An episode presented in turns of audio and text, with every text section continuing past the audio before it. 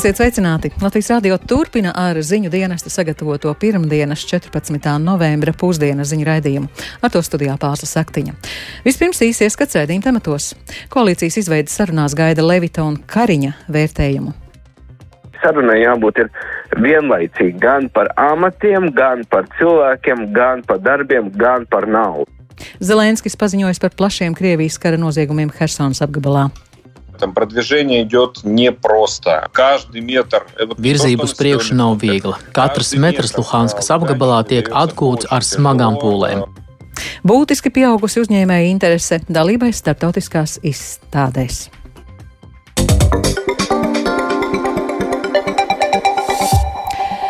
Nākamās valdības veidošanas sarunās par domstarpību risinājumiem jaunās vienotības un apvienotās sarakstu pārstāvi pašlaik komentāros ir skopi. Neoficiāli skan, ka konkrētu vienošanos par atbildības jomu sadali nav izdevies rast. To noskaidrojas Jānis Kīncis, kurš pievienojies studijā. Jāni, kas zināms par nedēļas nogalē notikušajām sarunām? Jā, sveicināti radio klausītāji. Politisko spēku pārstāvi pašlaik tiešām ir visai mazrunīgi. Iespējamās koalīcijas partneri ievēro valsts prezidenta Egila Levi Levita un premjera Krišāņa Kariņa loma šajā procesā. Taču par to, ka kāda virzība sarunās šajā nedēļas nogalē ir notikusi, ļāva nojaust apvienotā saraksta saimnes frakcijas vadītājs Edgars Tavars. Paklausīsimies viņa teikto. Notika šī, kā vienotības kolēģi teica, šī klusā diplomātija, korekta informācijas apmaiņa ir notikusi. Un plašāks tiešām komentārs no mūsu puses varētu būt šodien pēcpusdienā pēc tam, kad ministrs prezidents Kariņš tiksies ar valsts prezidentu Levitu kungu. Atgādināšu, ka jaunās vienotības un apvienotā saraksta publiski izklāstītās domstarpības pagājušajā nedēļā bija saistībā ar piedāvāto amatu sadalījumu nākamajā valdībā un apvienotā saraksta pārstāvju daudzkārt pieminēto solidāro atbildību par visu ministriju darbību. Virzība šajā procesā kas eh, pagājušajā nedēļā saukta par buksēšanu, vajadzīga, lai saprastu, vai politiķi 7. nedēļā pēc vēlēšanām beidzot varēs ķerties klāt pie valdības deklarācijas izstrādes un konkrētu darbu plānu. Eh, vai šajā sarunu rezultātā gaidāmas kādas izmaiņas premjeras piedāvātajā atbildības sadalījumā, atturējās atbildēt jaunās vienotības saimnes frakcijas vadītājs Ainārs Latkovskis. Arī viņš aicināja sagaidīt valsts prezidenta un premjera vēstījumus pievakarē. Politisko spēku iespējas vienoties viņš raksturoja īsi. Sarunas brīvdienās ir viesušas lielāku skaidrību. Intensīvās tikšanās ir virzījušas priekšu sapratni par situāciju. Savukārt trešais iespējamās koalīcijas dalībnieks Nacionāla apvienība šajā procesā ir nogaidošā lomā. Tās pārstāvji ir piekrituši Kariņa piedāvātajam atbildības lomu sadalījumam, jomu sadalījumam un gaida tālāk virzību šajā abu pārējo iespējamo koalīcijas partneru sarunu tātad procesā. Ja nespēja par to vienoties, būtu apkaunojums pieredzējušajiem politiķiem, tā vērtējas Nacionālās apvienības līderis Raivis Dzinters. Tātad pēc Krišāņa Kariņa un Negila Levita tikšanās vēl pēcpusdienā uzzināsim kādus tālākus pavērsienus šajā procesā. Paldies, Itālijāns Kīncis. Politiskās partijas šobrīd sarežģītā veidā risina vienkāršu vienādojumu. Tā koalīcijas veidošanas sarunas vērtē politologs un sabiedrisko attiecību konsultants Filips Rejevskis. Intervijā Altīs rādio viņš norādīja, ka valdības veidošanas pamatā pamatā lielā mērā ir matemātika, un šajā situācijā, kad viss ir it kā skaidrs, partijas mēģina situāciju padarīt sarežģītāku. Nākošā dienā pēc vēlēšanām bija skaidrs, acīm redzams, ir šī trīs partiju koalīcija. Tad, kad viss ir tik ļoti acīm redzams, skaidrs un saprotams, tad uh, partijas sāk mēģināt kaut kā padarīt to lietu interesantāku, es nezinu, varbūt sarežģītāku, varbūt mēģina kaut kādas citas lietas, lai, lai tas viss neizskatītos sabiedrībai, nezinu, partneriem uh, vienkārši. Nu, sākās jau visa to saudabīgo piruetu ar, ar progresīvo mēģinājumu piesaistīt kaut gan īstu vajadzību pēc viņiem nebija. Tagad sākās problēmas ar to, ka nevar nekādīgi vienoties par uh, ministru sadalījumu, kaut gan visas puses grib uzstādīt valdību, grib iesaisties cilvēku ministru amatos un stūrēt. Uh, nu, viņi vienkārši tādā sarežģītā veidā arī ir vienkārši vienādojums. So, mums ir arī valsts prezidents. Tā pirmā lieta mums ir jāatcerās, ka Krišāns Kariņš nav oficiāli izvirzīts kā premjera kandidāts, kas ir jau ļoti saudabīgi, jo 1. novembrī pie šī vienkāršības, vienotājuma vienkāršības bija absolūti normāli bujis, ja prezidents viņu nosaukt par premjera kandidātu, attiecīgi veidu dokumentus parakstīt, mums būtu premjera kandidāts. Mums tāda nav. Tas nozīmē, ka prezidents arī piedalās šīs vienkāršās lietas risināšanā sarežģītām metodēm. Patiesību sakot, tai sarunai jābūt ir vienlaicīgi gan par amatiem, gan par cilvēkiem, gan par darbiem, gan par naudu. Šis ir tas patiesību sakot, viss sarežģītākais visā šajā situācijā - salikt kopā amatus, darbiem un cilvēkiem, kas spēj šos darbus realizēt, un naudu, lai viņi varētu to realizēt. Šo lietu sadzīšana kopā, tas ir sarežģīts process, ir tīpaši šādā politiskā noskaņojumā, kādu mēs redzam, bet tas ir tas, kas būtu jārunā vienlaicīgi visas šīs lietas, jo nevar runāt abstrakt par darbiem un amatiem bez cilvēkiem un bez naudas, ja tās lietas ir absolūti nesaraujami saistītas.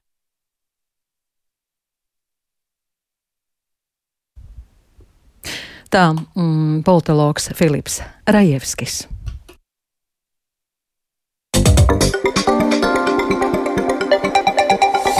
Ukrainas prezidents Valdimirs Zelenskis ieradies Hersonā. Zelenskis paziņoja par plašiem kara noziegumiem, kurus Krievijas karaspēks iespējams ir pastrādājis atbrīvotajās teritorijās Hersonas apgabalā.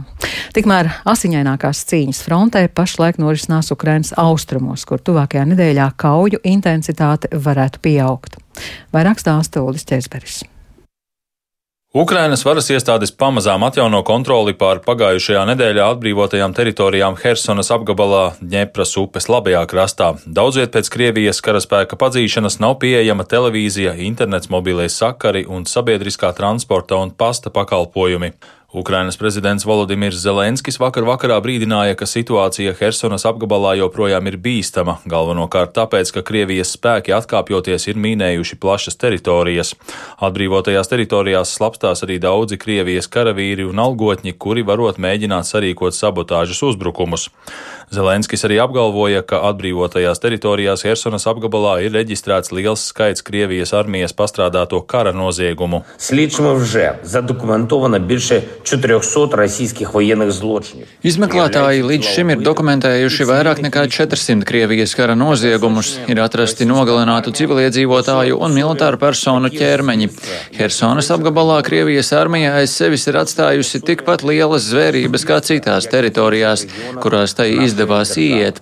Mēs atradīsim un sauksim pie atbildības katru slepkavu, bez šaubām. До відповідальності кожного вбивцю без сумнівів. Zelenskis arī sacīja, ka frontē joprojām sīvākās cīņas norisinās Donetskas apgabalā Ukrainas austrumos.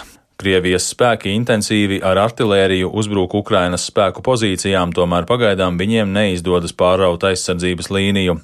Arī kaimiņos esošajā Luhanskas apgabalā turpinās intensīvas kaujas. Apgabala kara administrācijas vadītājs Serhijs Haidais šorīt paziņoja, ka Krievijas spēki spēcīgi apšauda apdzīvotās vietas, kuras nesen atbrīvoja Ukrainas karaspēks, tāpēc varas iestāžu galvenā prioritāte ir civiliedzīvotāju evakuācija.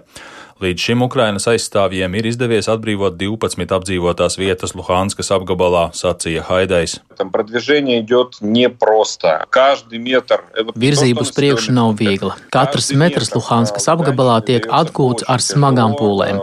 Krieviem bija laiks sagatavoties un atvest lielu skaitu mobilizēto. Jā, viņi nav profesionāli karavīri, viņi ir nepietiekami bruņoti un ekipēti, tomēr tas vienalga ir liels skaits cilvēku, kuri šauj mūsu aizstāvi virzienā. Tā ir bīstama cilvēku masa, kuru Krievijas okupācijas spēki atbalsta ar intensīvām artilērijas apšaudēm.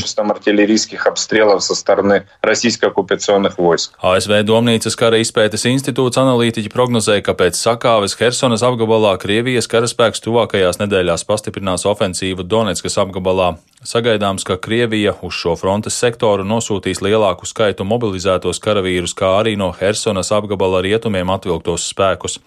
Savukārt Ukraina būšot spiesta nosūtīt papildspēkus uz Donetskas apgabalu. Tomēr domnīcas eksperti šaubās, ka Krievija šajā frontes sektorā sasniegs kādus ievērojumus panākumus, lai gan nav izslēgts, ka Krievi varētu ieņemt Bahmutu, bet tad tas nozīmētu milzīgus dzīvā spēka zaudējumus viņu pusē. Savukārt Lielbritānijas militārie izlūki norāda, ka tuvojošās ziema radīs nopietnus izaicinājumus frontē gan Ukrainas, gan Krievijas karaspēkam. Zemākas gaisa temperatūras un īsāks diennakts gaišais laiks varētu samazināt kauju intensitāti frontē. Ukrainas armijas turpmākās sekmes frontē lielā mērā būs atkarīgas no tā, vai rietumvalstis turpinās piegādāt savu modernāko bruņojumu. Šajā ziņā kārtējie pozitīvie signāli ir pienākuši no Amerikas Savienotajām valstīm. ASV prezidenta Džo Baidena padomnieks nacionālās drošības jautājumos Džeiks Salivans paziņojis, ka Baltais nams tuvākajās nedēļās paziņos par jaunas militārās palīdzības paketes piešķiršanu Ukrainai. Uldis Česberis, Latvijas radio. Būtiski pieaugusi uzņēmēju interese dalībai starptautiskās izstādēs, un to veicina divi faktori - pandēmijas izraisītās krīzes sekas un Krievijas sāktais karš Ukrainā. Vēl viens veicinošs faktors ir valsts atbalsta apjoma palielinājums dalībai starptautiskās izstādēs no 50 uz 80 procentiem. Plašāk Linda Zalāns ierakstā. Pandēmijas un arī Krievijas īstenotā kara Ukrainā izraisītās krīzes ietekmē ievērojami pieaugusi uzņēmēju interese par dalību starptautiskās izstādēs, lai meklētu aizvien jaunus eksporta partnerus. Latvijas Investīciju un attīstības aģentūras direktora vietniece eksporta jautājumos Iveta Strupkā stāsta, ka liela aktivitāte ir gan Eiropas, gan tālajos eksporta tirgos. Karš Ukrainā un tam sekojošās sankcijas pret Krieviju, pret Baltkrieviju būtiski ietekmēja gan gan iespējas šīs preces fiziski pārvadāt uz valstīm, pārdot, norēķināties. Tāpat arī vesela virkne preču kļuva par sankcionētajām, kuras vairs nav iespējams realizēt konkrētajos tirgos. Un, protams, ka šie tirgi ir arī saistīti ar ārkārtīgi augstiem riskiem. Un līdz ar to arī tāda objektīva un dabiska nepieciešamība meklēt jaunus noieta tirgus, meklēt stabilākus partnerus, jaunus partnerus. Iveta Strupkāja norāda, ka vēl viens būtisks faktors, kas veicina uzņēmēju interesi par dalību starptautiskās izstādēs, ir atbalsta apjoma palielinājums. Pēc šī gada aprīļa, kad tika pieņemti grozījumi starptautiskās konkurētspējas veicināšanas programmā un tika palielināts šis pieejamais eh, atbalsta apjoms no 50 uz 80 procentiem, tad zvanu skaits un sniegto konsultāciju skaits, es eh, nebaidos teikt, pieauga droši vien uz pusi. Un eh, mēs arī ikdienā redzam, ka tas pieprasījumu skaits ir tāds augšu pejošu tendenci. Lijā pārstāvi pauž, ka šāda veida atbalsts uzņēmumiem būs pieejams līdz nākamā gada izskaņai, un šim mērķim pieejami vēl vairāk nekā 6 miljoni eiro. Mani sauc Kārlis Šenkovs, esmu valdes priekšstādētājs un pārstāvu uzņēmumu kontroli faktorī, un mēs strādājam būvmateriālu ražošanas nozare, un uh, mums ir saistība ar nanotehnoloģijām. Viņš uzsver, ka uzņēmuma eksporta spēja iet roku rokā ar konkurētspēju un krīzes laikā ārējās tirdzniecības paplašināšanai jāpievērš īpaši liela vērība. Krīze vienmēr uzņēmējiem ir tā kā tā degviela, lai domātu, ja kā šo krīzi pārvarēt un kādus risinājumus pareizs vai nepareizs pieņemt. Kārlis Šenhofs stāsta, ka uzņēmums izmanto LIA atbalstu dalībai starptautiskās izstādēs, jo krīzes laikā uzņēmumam ir īpaši svarīgi meklēt jaunas iespējas ārējos tirgos. Tas ir tas pats, ka jūs pieņemsim, ja mēģiniet uzrāpties kalnā un sākās vētra, ja tad jums ir izvēle apsēsties, nosaukt, iet uz priekšu vai iet atpakaļ, ja nu mēs šajā situācijā ejam uz priekšu. Savukārt bankas citadela ekonomists Mārtiņš Āboliņš uzsver, ka krīzes un ekonomikas sabremzēšanās ir cikliska, tās nāk un pāriet tādās liels svārstības momentos, kad teiksim, kaut kas mainās un globālajā ekonomikā, kad ir šādas svārstības. Tas, protams, ir izaicinājums, bet arī iespējas, un mēs esam pietiekami konkurēt spējīgi, lai tādēļ, ka daudz meklē, kā samazināt izmaksas, kā optimizēt, kā vēl kaut ko darīt, un mēs būtu pietiekami konkurēt spējīgi un pietiekami interesanti, un tāpēc noteikti jārāda ir Un skaidrs, ka jebkurā gadījumā mūsu ekonomikai, maza atvērta ekonomika, eksports, tas ir pats galvenais, uz kā mēs attīstamies, un tas nekur nemainās. Un vienalga, vai ekonomika šobrīd apgūst strauji vai bremzējas, um, tā, tā, teiksim, tas īstermiņa cikls vārstības, manuprāt, nav tik būtisks. Tomēr tas ilgtermiņa darbs ir un paliek un jādara un dalība izstādēs ir ilgtermiņa darbs, jo uzņēmumiem svarīgi tajās piedalīties gadu no gada, jo rezultāti jeb darba augļi nenāk uzreiz, bet pēc vairākiem neatlaidīga darba gadiem. Āboliņš arī uzsver, ka Latvijas eksporta vērtība turpina pieaugt krietni virs 20% un attīstības tendences ir iepriecinošas. Linda Zalāne, Latvijas radio.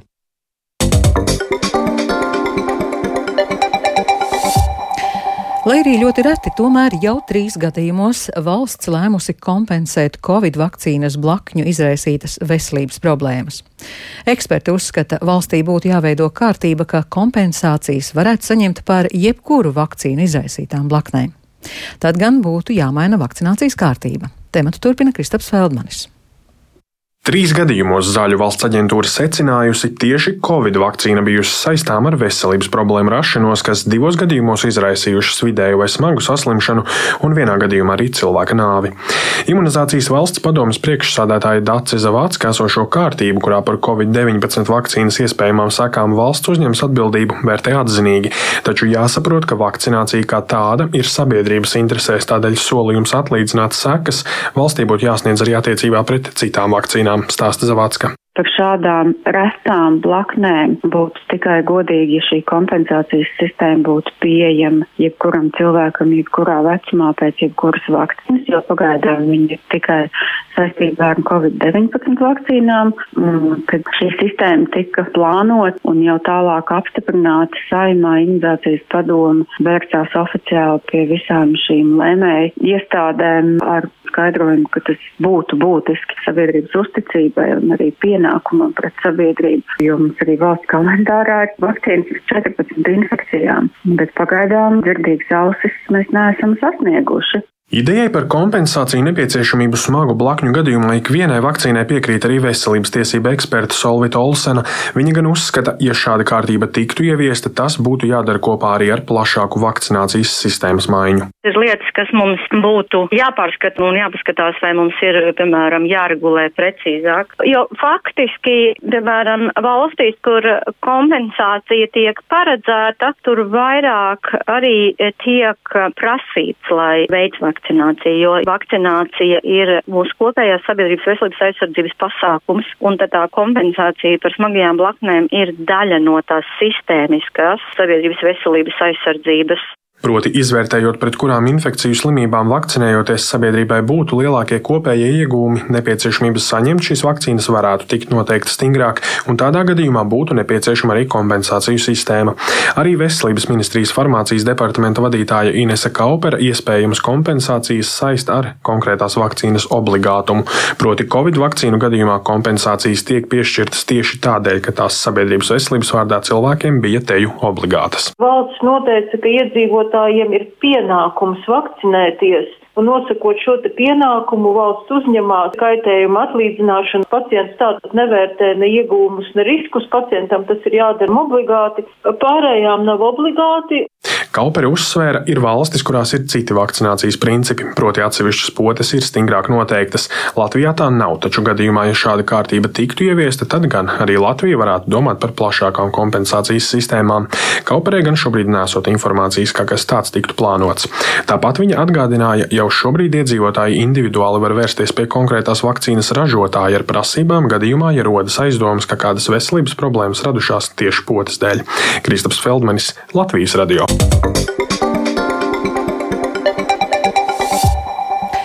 Drīzumā 17 reliģisko organizāciju darbība tiks izbeigta, jo tās nav iesniegušas ikgadējos darbības pārskatus. Šāds pamatojums darbības izbeigšanai ir pirmo reizi.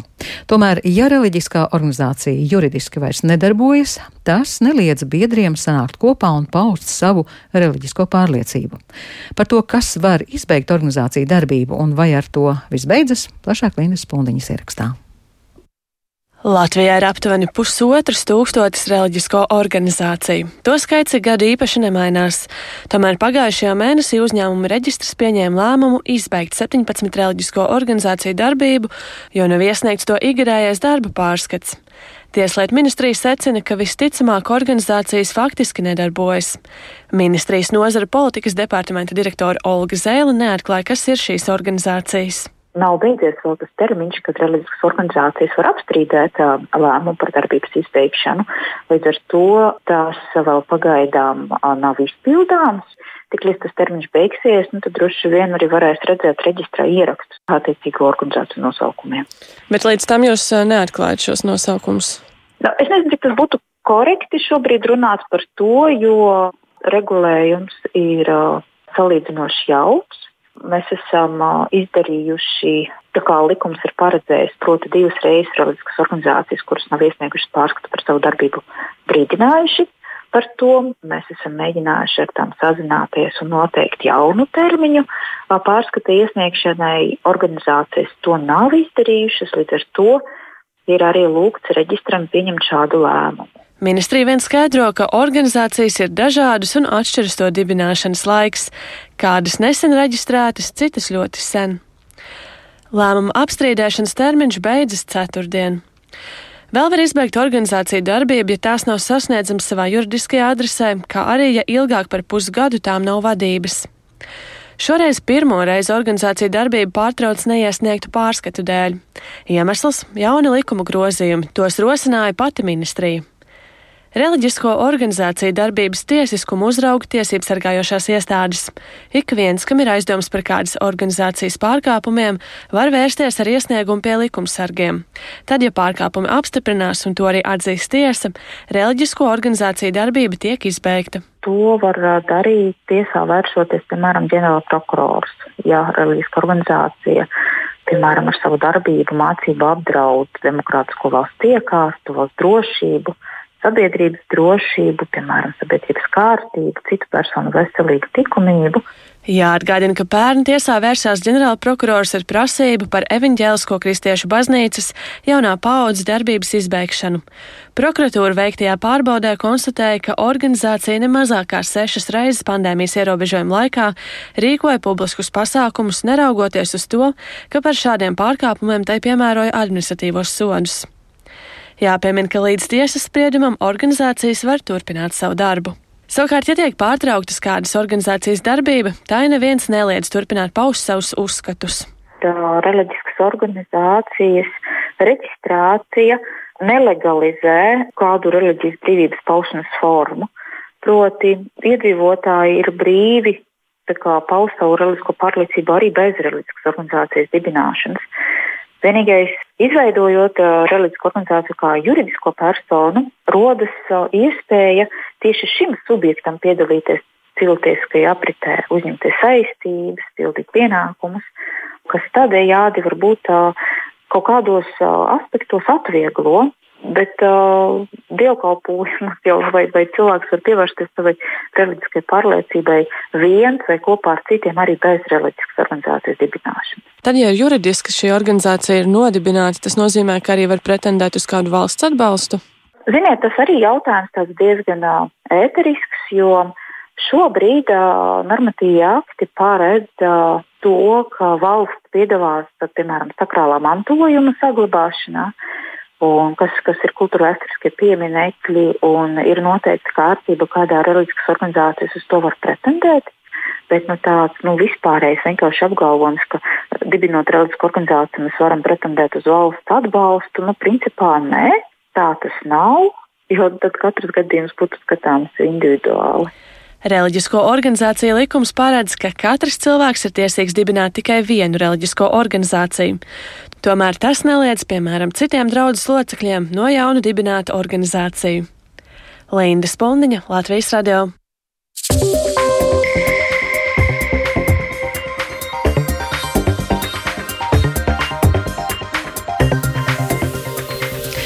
To izskan pusdienas ziņu raidījums. Producents Viktors Pupiks ierakstus montēja Kaspars Groskops, par labskaņu rūpējās Katrīna Bramberga, ar jums runāja Pārslas Saktiņa. Un īsti par svarīgāko koalīcijas izveidas sarunās gaida Levita un Kariņa vērtējumu. Jaunās vienotības un apvienotās sarakstu pārstāvju komentāros skopi neoficiāli izskan, ka konkrētu vienošanos par atbildības jomu sadali nav izdevies rast. Zelenskis paziņojas par plašiem Krievijas kara noziegumiem Helsonas apgabalā. Zelenskis ieradies Helsonā. Tikmēr asiņainākās cīņas frontē frontē pašlaik norisinās Ukrainas austrumos, kur tuvākajā nedēļā kauju intensitāte varētu pieaugt, un būtiski pieaugusi uzņēmēju interese dalībai starptautiskās izstādēs. Šī raidījuma atkārtojumu meklējiet raidierakstu platformās kā dienas ziņas un Latvijas radio mobilajā lietotnē. Latvijas radio ziņām sekojiet arī Latvijas radio viens Facebook lapā un LSMLV. Yeah.